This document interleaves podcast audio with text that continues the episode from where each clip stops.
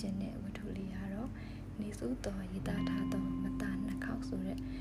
တမျက်နှာဝတ္ထုတိုလေးပဲဖြစ်ပါတယ်မတာတစ်ခေါက်ချောင်းဆယ်ခေါက်တဲ့မိတ်ဆွေရဲ့နောက်ဆုံးခရီးကိုလိုက်ပို့ခဲ့ပြီးရေဝေးသုတ်တန်ကအပြန်ကားပေါ်မှာကျွန်တော်အတွေ့အကြုံပြန်လွင့်နေတယ်ယခုကျွန်တော်လိုက်ပို့ခဲ့တဲ့ကွယ်လွန်သူဦးစောဟာယူသားလွန်ရှာယုံမကဒုက္ခမြနွမ်းပါလွန်ရှာရဲ့ မိသားစုတစုနဲ့ရုံရင်ကံရင်အသက်တွေကြီးလာတော့ဇရာပေါ်မှာပြားရိထောင်းလာတယ်ကြောက်ကဲတဲ့စေယုံတရားတယ်စေယုံကကြောက်ကက်ကိုဆေးပြီးတော့အသက်တာတယ်ဒါပေမဲ့ကြောက်ကက်ကတစ်လနှစ်ကြိမ်ဆေးရတယ်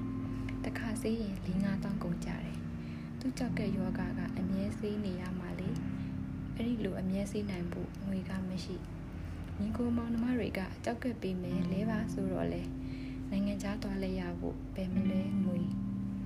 အနာတိလို့ဆေးရှိပေမဲ့နိုင်ငံခြားခရီးမသွားနိုင်တော့တမလွန်ခရီးကိုပဲသွားရရှာပြီတနာပါတယ်ဗျာငွေရှိရင်ကိုစောမသေးဘူးကျွန်တော်အတွေ့အကြုံဘေးနားမှာအတူထိုင်လာတဲ့မိတ်ဆွေရဲ့ကရုဏာစကားတန်ကအပြတ်ဝင်လာတယ်။အရင်တစ်ခေါက်ကပို့ခဲ့တဲ့နောက်ဆုံးခရီးကိုလည်းကျွန်တော်ဖြတ်ခနဲ့တတိရတယ်။ အဲ့ဒီတုန်းကအဆုံးသွားခဲ့တာကကျွန်တော်ဆရာသမားဦးမင်းထိတ်ခေါင်ရဲ့ဇနီးမြန်မာပြည်မှာအချမ်းသာဆုံးလူတရားစရင်ကောက်ရင်ဦးမင်းထိတ်ခေါင်ပါဝင်มาသိကြတယ်။တိုက်တွေကားတွေကုမ္ပဏီတွေနဲ့ဦးမင်းထိတ်ခေါင်ရဲ့ဇနီးဒေါက်ခင်ခင်ကြီးကသွက်ကန်စာဖြစ်တဲ့အဲ့ဒီတော့ဦးမင်းထိတ်ကောင်ကသူ့ဇနီးကိုနိုင်ငံခြားမှာသွားကူတယ်။သွေးလဲတယ်။ဒါပေမဲ့ဒေါခင်ခင်ကြီးရဲ့ယောဂါကဘာကြောင့်မှမသိဘူး။တစ်ချိန်တစ်တစ်ချိန်သွေးလဲပေးရတာ အစားထိုးကူဖို့ဆရာဝန်ကြီးတွေကအကြံပြုတယ်။ဦးမင်းထိတ်ကောင်ကကုမယ်ပေါ့ငွေဘလောက်ကုန်ကုန်ပေါ့။ဒါပေမဲ့ယိုရင်းချင်းစီဆိုတာညီကိုမောင်နှမအရင်တွေစီက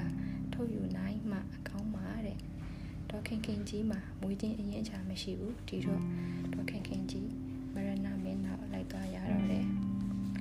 ဒေါခင်ခင်ကြီးခင်ဗျာတနာစရာပါဗျာငွေရှိလျက်နဲ့အဲ့ဒီတုန်းကကျွန်တော်မိတ်ဆွေရဲ့ကရုဏာစကားမတန်းနှခောက်မှာ အတွေ့ရောက်စရာတွေနဲ့ကိုစောနဲ့ဒေါခင်ခင်ကြီး